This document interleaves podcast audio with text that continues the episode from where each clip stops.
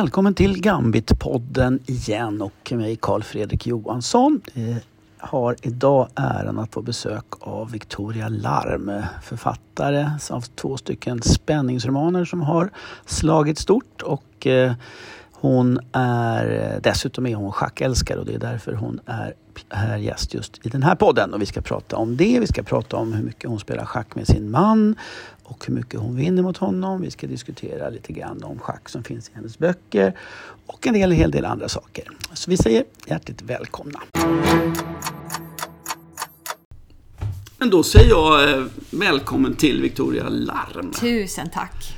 Vi eh, ska prata om massor med saker i tanken idag. Vi börjar i... eh, Det är ju, på, det är ju en schackpodd trots allt som vi är på och jag tänker vi skulle börja i den änden. För att du är liksom en av de personerna jag träffat de senaste åren som, vad ska jag säga, representerar för mig representerar en stor kärlek till schacket som kanske inte har tävlingsspelat mycket, du har inte varit schackledare, du kanske inte liksom funnits i någon den historiska schackcommunityn.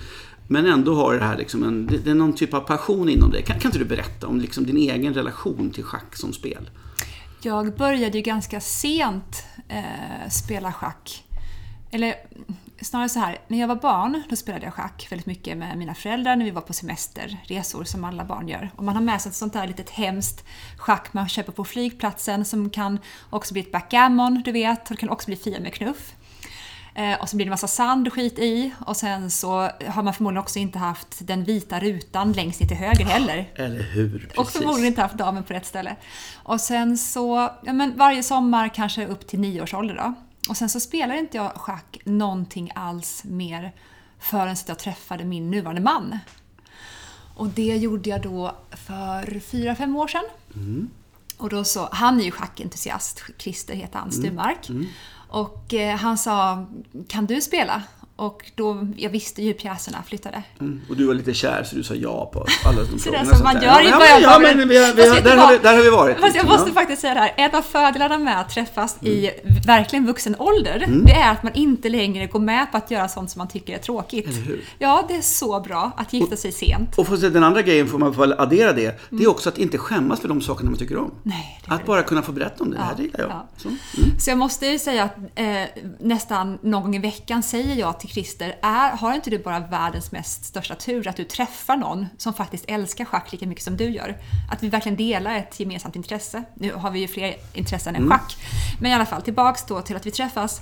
Och... ehm, Får, jag bara, bara säga det, du, jag har ju varit hemma hos er eh, ett par gånger och Mm. ni har ju alltså typ ganska många rum och det, alltså jag skojar inte om det är minst ett schackspel i varje rum. Som står typ uppställt redo så man kan liksom börja spela när man, när man vill. Du, det, det kommer fler hela tiden också. Ibland så blir det att jag får veta att jag ska ta emot ett bud vid två på eftermiddagen för då kommer det ett nytt bord, ett schackbord som verkar kul Mm. som vi kanske kan ha utomhus på baksidan.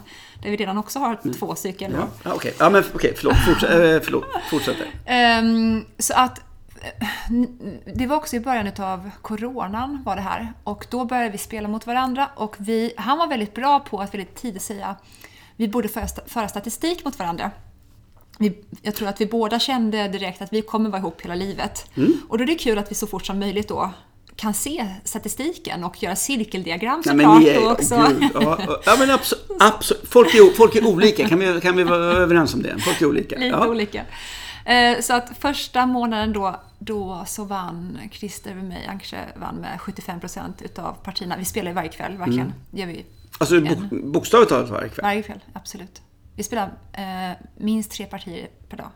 Okej. Efter eller innan middag. Och då spelar ni blixtpartier, kort betänketid? Så. Ja, precis. Vi kör fem minuter plus två sekunder. Mm. Från början körde vi faktiskt tre minuter, men sen var det någon väldigt vis man som sa till oss att vi inte utvecklades ifall vi spelade på den tidsnivån. Så att då ändrade vi till fem minuter. Låter som ett klokt, klokt beslut tycker jag. precis.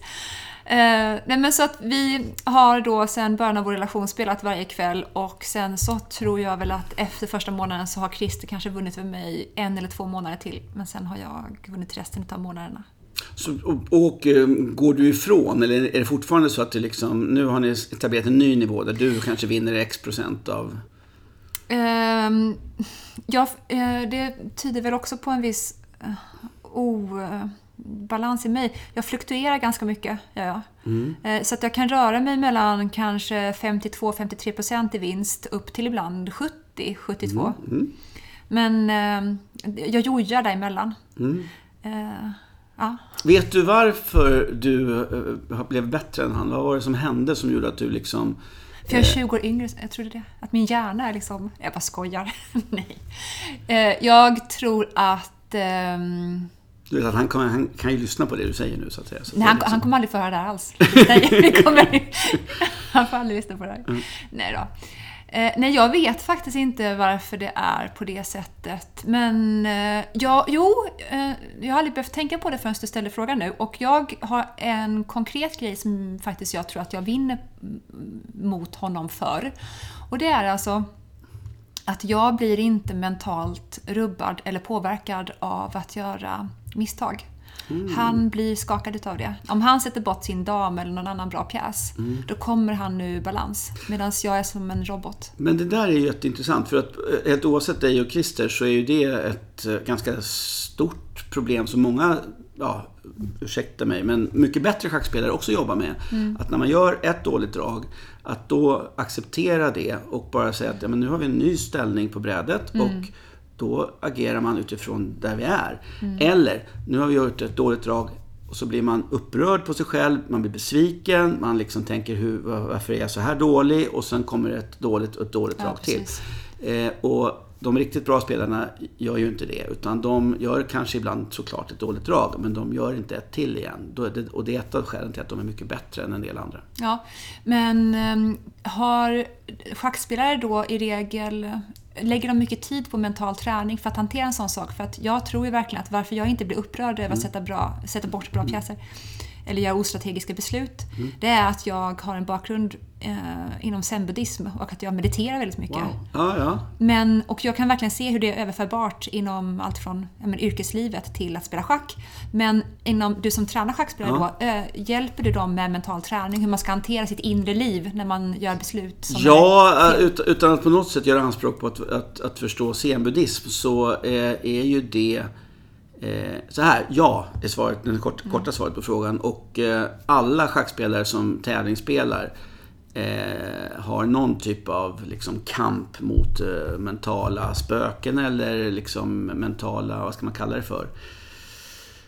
Ja, eh, alltså en del av problem som bygger inte på ren kunskap utan som bygger på hur beteenden eller bygger på att man reagerar på olika saker och så. Va? Det kan ju vara Eh, både så enkelt som en stress utifrån ja, hur ser det ut runt omkring mig? Blir det yttre störningar? Hur mycket påverkar mm. de mig där jag sitter? Eller hur, eh, som sagt, som vi sa, vad påverkar mitt eget spel? Kan jag, kan jag liksom, är det enstaka saker som händer eller blir det mm. liksom värre och värre om, om jag gör dåliga beslut? Mm. Eller en, en sak när man spelar tävlingsschack med klocka, hur hanterar man tiden. Att, att man liksom använder kanske för mycket tid så att på slutet av partiet har man så lite tid kvar att man bara gör dåliga ja, drag. Jag hade faktiskt så sent som idag ett samtal med en av mina ja, bättre elever då, då som tävlingsspelar på en ganska hög nivå. Som, eh, eh, och hon har ibland problem med, med, med, med, med klockan och spelar mm. väldigt bra schack men spelar ibland alldeles för långsamt. Och eh, då måste man hitta liksom, mentala tricks för att liksom, göra det här. Och mm. Det är ju inte på meditationsnivå utan det handlar nog mer om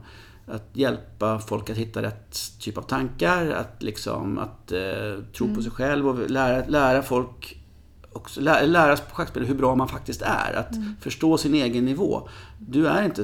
Alltså, man, man tvivlar på sig själv.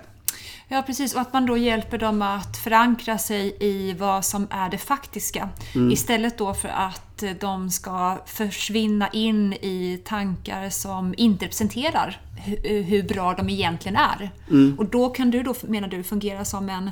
Eh, att de kan stå bredbent i sin självuppfattning igen? Ja, men alltså det, för det är liksom, jag har ingen utbildning inom mentalt, men, men just att, att begripa hur bra man faktiskt är på, på spelet. Mm. Det kan jag nog bidra med ganska mycket. Och det är ju en väldigt viktig egenskap. Ja. Eh, framförallt för en tävlingsspelare att liksom eh, förstå mm. det. Och att en, en, en, person utifrån kommer in med en verklighetsförankring som du kan då minnas och hålla kontakt med när dina tankar börjar storma igen. När du står inför situationer som mm. i normala fall får dig att tappa fotfästet. Absolut. Jag menar, det är, så att schack handlar ju om att ta beslut. Mm. Du måste ta ett beslut. eh, Och du måste ta ett beslut med fullständig information. Mm. Det, är ju, det är ju liksom en speciell situation man har. Men det här är ju väldigt överförbart verkligen för skolungdomar, skolbarn, till folk inom yrkeslivet, även inom relationer tror jag, att det faktiskt är jätte, jättebra att lära sig att hantera Men, men när du spelar själv då, när du liksom sitter där, känner du någonting, känner du i huvudet liksom, hur, alltså hur... Du nämnde att du hade liksom, vad du men du har liksom någon typ av mental kapacitet som du ändå använder dig av. Kan du liksom Ja. förklara någonting där, hur det, hur det, hur det liksom fungerar? Jag tror det är två olika saker. Det ena är då att ifall, eh, om vi tänker när är vi mest närvarande?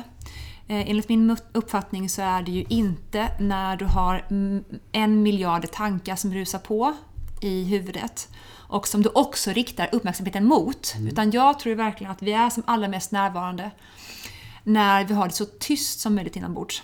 När vi har det så lugnt som möjligt. Då kan du få upp en sån pass skarp koncentration som gör att du agerar eh, utefter din bästa ackumulerade för- förmåga. Så att allt det du har lärt dig dittills kommer till bästa uttryck och kanaliseras på rätt sätt. Och då är ju då, sen en sak, det är att man eh, ser till så att inte du tänker på massa saker under tiden, utan du tömmer dig helt enkelt. Och sen när jag väl sitter där och spelar, då har jag alltså utrymme för spelet inom mig på ett sätt som är hundraprocentigt förhoppningsvis, för att jag har inte massa tankar med andra grejer. Och då är det ju bara nästan som en mental ehm, ett, ett mentalt kroppsminne. För jag tror att vi har, vi har en, en inre struktur som är bara en osynlig struktur, alltså en inre anatomi. Och eh, då får den bara ta plats och den får, får mig att flytta handen och den får mig att se mönster. Så att då får den köra. Finns det någonting, det här är ju superintressant att höra hur, hur, hur, vad det du säger nu, men finns det inte någonting i dig som skulle vilja spela mycket längre schackpartier än de fem minuterna du spelar för att liksom kunna gå in i den här, den, den känslan du beskriver? Jo, men, eh, men eh, jag är gift med Christer och då blir det inte så mycket längre partier. Vi kommer inte spela så mycket längre partier tror jag. Utan detta är också... Men du vet att det finns andra människor att spela schack med än, än, än, än, än han. Så jag tänker mest bara, ut- om vi bortser från din- din, vardag som jag begriper naturligtvis kan ställa till problem för, för liksom det. Men, men just den känslan av att vara, för att ett tävlingsparti i schack, då kan, det kan ju pågå i tre, fyra timmar. Där man har liksom ett parti att spela. Det låter underbart. Ja, vi ska, vi, vi, vi, vi, vi, Hook me up! Ja, det ska jag göra.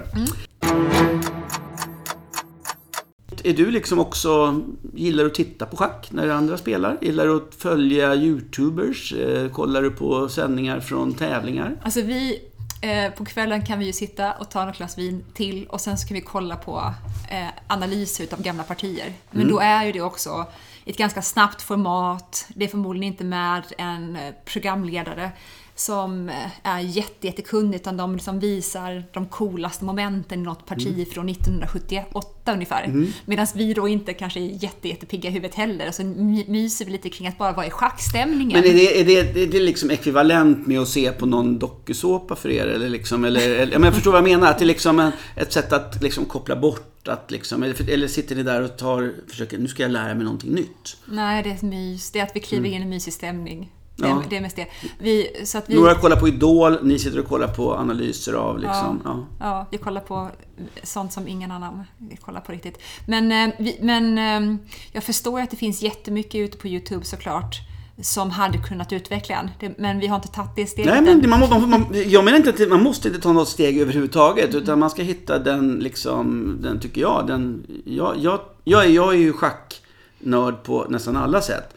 Men jag vill ju inte att andra ska vara eh, på något speciellt sätt. Utan de ska bara få chansen att vara exakt det de är. Är man nyfiken på att följa alla tävlingar och tävlingsinriktad. Alltså det är ju, det är ju en typ av schackperson som jag inte trodde fanns. Alltså som bara tittar på schack men inte spelar själv. Ja, alltså ja. åskåd. Ja, men alltså, det finns ju, och när man tänker efter, det finns ju massa folk som tittar på fotboll utan att spela fotboll. Ja, har du på, förstår, tittar på teater utan att spela teater. Varför ska man inte kunna titta på, på schack utan att spela schack? Men för mig har det bara varit obegripligt. Tills jag begriper att Mm. det, det gör det ju naturligtvis. Om det är bra sändningar, bra liksom presentationer, ja då följer man kanske det. Sen har ju jag Eh, efter att eh, vi har spelat på kvällen Mm. där, då har jag som rutin att varje kväll så när vi lägger oss i sängen, Mm. då spelar jag schack i kanske en timme per kväll. Och lyssnar på And the rest is, his- is history, som är kanske den bästa podden som finns i världen. Eh, två historiker som pratar om allt ifrån eh, Caesars fall till Napoleonkrigen och sådana saker. Så då så går jag in i det. Och det är liksom min Mm. Det är, det är nedvarvning. din egen nedvarvning när du är själv. Ja, precis. Ja. Ja, ja men jag förstår. Du är ju eh, också, eller du är ju författare. Det är ju liksom, är det, ska- säger du när du presenterar dig, jag är författare. ja. Du har skrivit böcker, ja. eh, började skriva för, Den första boken, jag har skrivit två böcker och jag debuterade då för tre, fyra år sedan med eh, den historiska spänningsromanen Den nionde kretsen. Och sen så kom bok nummer två förra året och den heter Den förklädda guden. just det. Yes. Och att, i första boken så har du någon... Är det, första det är andra boken Är det andra boken någon schackreferens där? Kan du berätta, om det? Kan du berätta vad det var, hur, schack, hur du stoppade in schacket i spelet där? nej, men det skapar ju en väldigt speciell stämning ifall man då, som i min andra bok, eh, en person på, i ett fängelse ska få besök och intervjuas utav en psykolog. Och då så sitter den här internen och spelar schack mot sig själv. Och det är ett väldigt, väldigt strängt parti som pågår med hög intensitet. Och sen förstår då efterhand att den som intervjuar internen inser att eh, han tror verkligen, internen alltså, att han spelar mot någon.